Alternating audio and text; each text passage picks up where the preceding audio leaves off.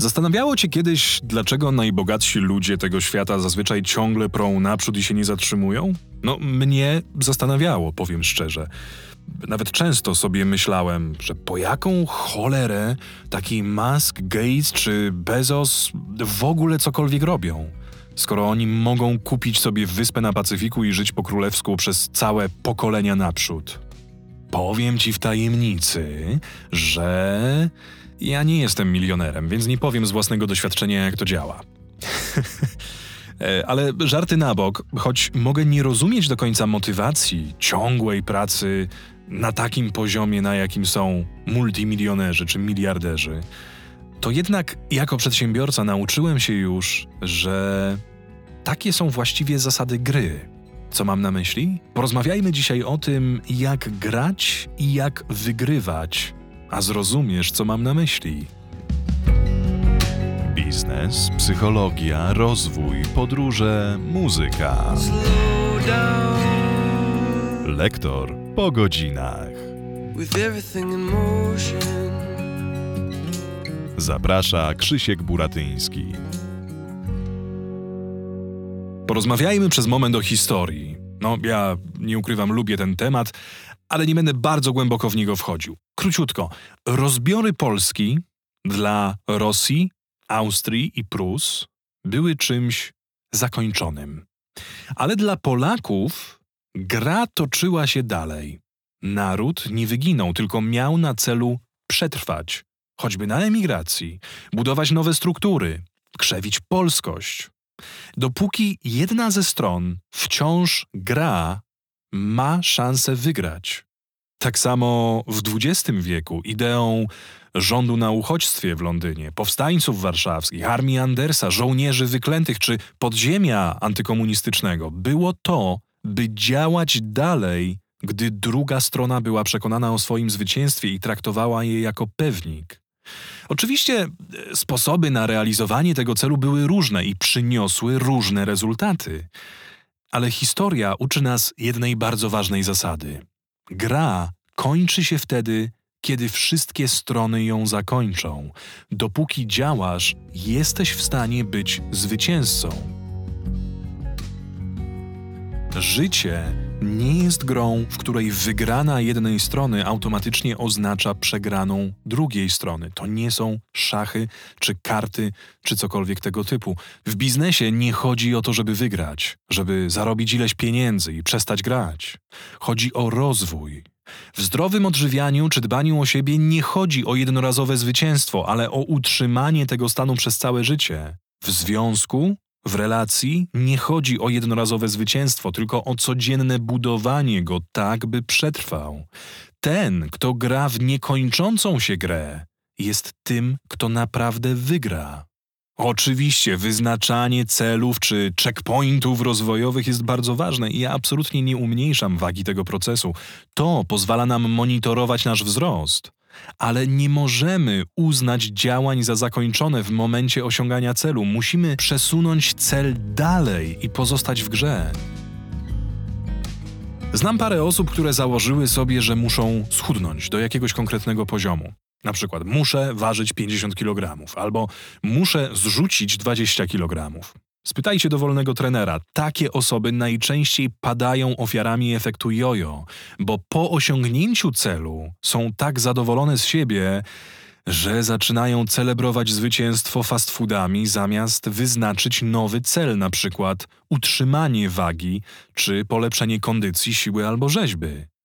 I to samo jest z przedsiębiorcami. Poznałem przez lata przedsiębiorców, którzy wyznaczali sobie cele i osiągali je ale siadali na laurach, gdy ten moment nadszedł.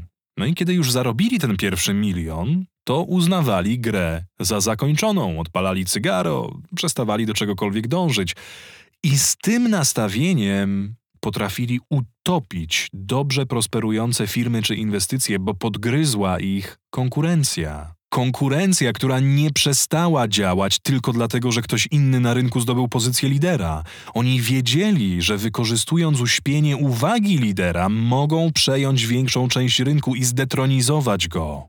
Z lektorami obserwuję to cały czas. To zresztą częsty temat dyskusji i kłótni w grupach branżowych. Młode głosy, czasem nieopierzone, a prawie zawsze niedoświadczone, ale potrafiące działać w sposób systematyczny, nastawione na rozwój, wykorzystujące nowe możliwości networkingowe czy technologiczne, potrafią podważyć większość przeświadczeń starszego pokolenia lektorskiego. Lektorzy znani z telewizji, którzy od 30-40 lat nie zmienili mechanizmów działania, narzekają ciągle na to, że rynek się zmienia, a zasady, według których oni działali przez dekady, wymykają im się z rąk. Nawet jakiś czas temu pojawił się oczywiście odcinek Zderzenie lektorskich pokoleń, gdzie opowiadałem o tym z case study właśnie takiego lektora, który do mnie trafił i próbowałem troszeczkę go wprowadzić w XXI wiek, więc zapraszam Cię, jeśli chcesz, posłuchaj tego odcinka jako następny. Myślę, że to będzie fajne uzupełnienie dzisiejszej treści. To jest właśnie to, o czym mówię w dzisiejszym odcinku. Gra, którą jest rozwój branży, nie zakończyła się tylko dlatego, że jedna ze stron odtrąbiła zwycięstwo i przestała grać. To, że było się liderem na rynku 25 lat temu, nie oznacza, że to dożywotnia korona z możliwością łaskawego przekazania namaszczonym następcom. Są nowi, ambitni i zdyscyplinowani ludzie na rynku, którzy dostosowują się do tego rynku i potrafią szukać możliwości w nowych miejscach. I chociaż mogą startować z trudnej, czy nazwijmy to przegranej pozycji względem liderów branży, dopóki walczą, mogą wygrać. Tylko poddanie się przypieczętuje, że gra została zakończona, a nikt nie jest w stanie zmusić cię do poddawania się. Pamiętaj o tym. Tak jak wspomniałem, biznes, czy to lektorski, czy jakikolwiek inny, to nie szachy, w których dążymy do jednego, jedynego celu, a moment zakończenia gry jest jasno określony i nie ma od niego odwołania. Bycie przedsiębiorcą nie oznacza, że gdy ktoś inny wygrał, kiedy twój kolega zarobił w tym miesiącu więcej, kiedy twój konkurent podpisał lepszy kontrakt, sprzątnął ci go sprzed nosa, czy kupił lepszy samochód, lepszy mikrofon, cokolwiek, to nie oznacza, że ty automatycznie przegrywasz. Nikt nie może zmusić cię do kapitulacji, a dopóki nie podejmiesz decyzji o kapitulacji, pozostajesz w grze i zmierzasz w stronę zwycięstwa. I choć milionerem nie jestem, to rozumiem, że gdy całe życie działa się według tej zasady, tak jak przedsiębiorcy w stylu Maska, Zuckerberga, Bezosa, Bransona, no to ciężko jest zakończyć grę dobrowolnie. Zawsze są jakieś nowe cele do wyznaczenia, jakieś nowe szczyty do zdobycia. A jakby nie było, świadome zakończenie gry może nam się wówczas kojarzyć z porażką, bo to właśnie przeciw tej porażce cały czas działaliśmy. Mam takiego znajomego, który jest deweloperem, bardzo znanym, rozpoznawalnym w ogóle w skali Polski i świata, bo inwestuje nie tylko na polskim rynku, jest właścicielem wielu nieruchomości w Krakowie, ale też yy, na Dalekim Wschodzie, w Chinach, Japonii i tak dalej.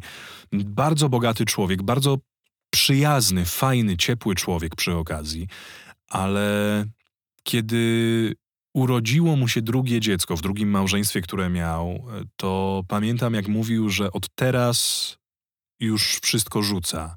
Rzuca cały biznes, on chce spędzać czas z dzieckiem, ponieważ pierwsze małżeństwo rozpadło się przez jego pracę i przez jego ciągłe wyjazdy i jego ciągłą gonitwę właśnie za możliwościami biznesowymi i stwierdził, że w drugim związku i przy drugim dziecku nie chce popełniać tych samych błędów. No i wytrwał chyba rok albo troszkę więcej, ale tak czy siak nie złamał całkowicie tej, tego programu, w którym był. Nie złamał tych przyzwyczajeń, zaczęło mu tego brakować. On zaczął czuć po prostu, że wycofując się z tej gry, on przegrał. I po roku z hakiem, powoli, powoli zaczął wracać i wrócił. No, niestety, ten drugi związek też tego nie wytrzymał, ale to też świadczy właśnie o tym, że nawet ludzie, którzy mają już tak naprawdę wszystko, mają pieniądze, mają domy, apartamenty, garaż pełen samochodów i tak dalej, ludzie, którzy mają rodzinę już nawet, czyli tak naprawdę wygrali we wszystkich obszarach życia, oni nadal mają czasem problem z tym, żeby taką grę odpuścić. Więc ja rozumiem, skąd bierze się ta ciągła chęć, czy ciągłe wołanie, powiedzmy, tej gry, żeby dalej w nią grać. I na pewno nie jest łatwo z tego wszystkiego wyjść, kiedy spędziło się całe życie, na przykład kilkadziesiąt lat, grając w tę grę. Ale mimo wszystko, dla nas, nie będących milionerami, bardzo ważną świadomością jest to, że to my jesteśmy w stanie kontrolować moment, w którym tak naprawdę się poddamy. I nikt nie może nas do tego zmusić. I to jest bardzo pozytywna informacja. To jest bardzo motywująca wiedza, bardzo motywująca świadomość. Nikt nie może nas zmusić, żebyśmy się poddali. Twoja marka, Twoja firma, Twój rozwój osobisty, rozwój człowieka nigdy nie muszą się kończyć. Gra zawsze się będzie toczyć i tylko od Ciebie zależy, czy podejmiesz wyzwanie wchodzenia coraz wyżej.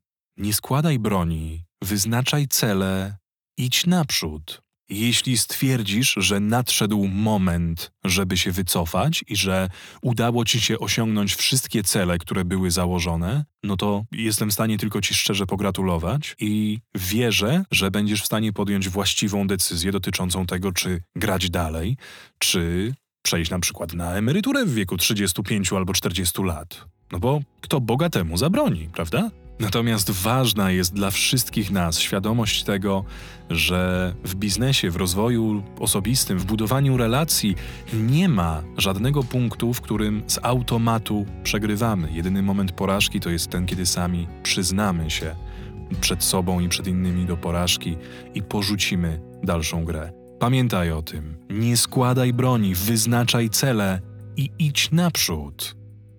Jeśli ten odcinek Cię zainspirował, no to będę bardzo wdzięczny za wszelkie udostępnienia, za e, obserwacje tego podcastu i za komentarze, bo one też pomagają mi w rozwoju i pomagają mi przede wszystkim tworzyć lepszy, ciekawszy content.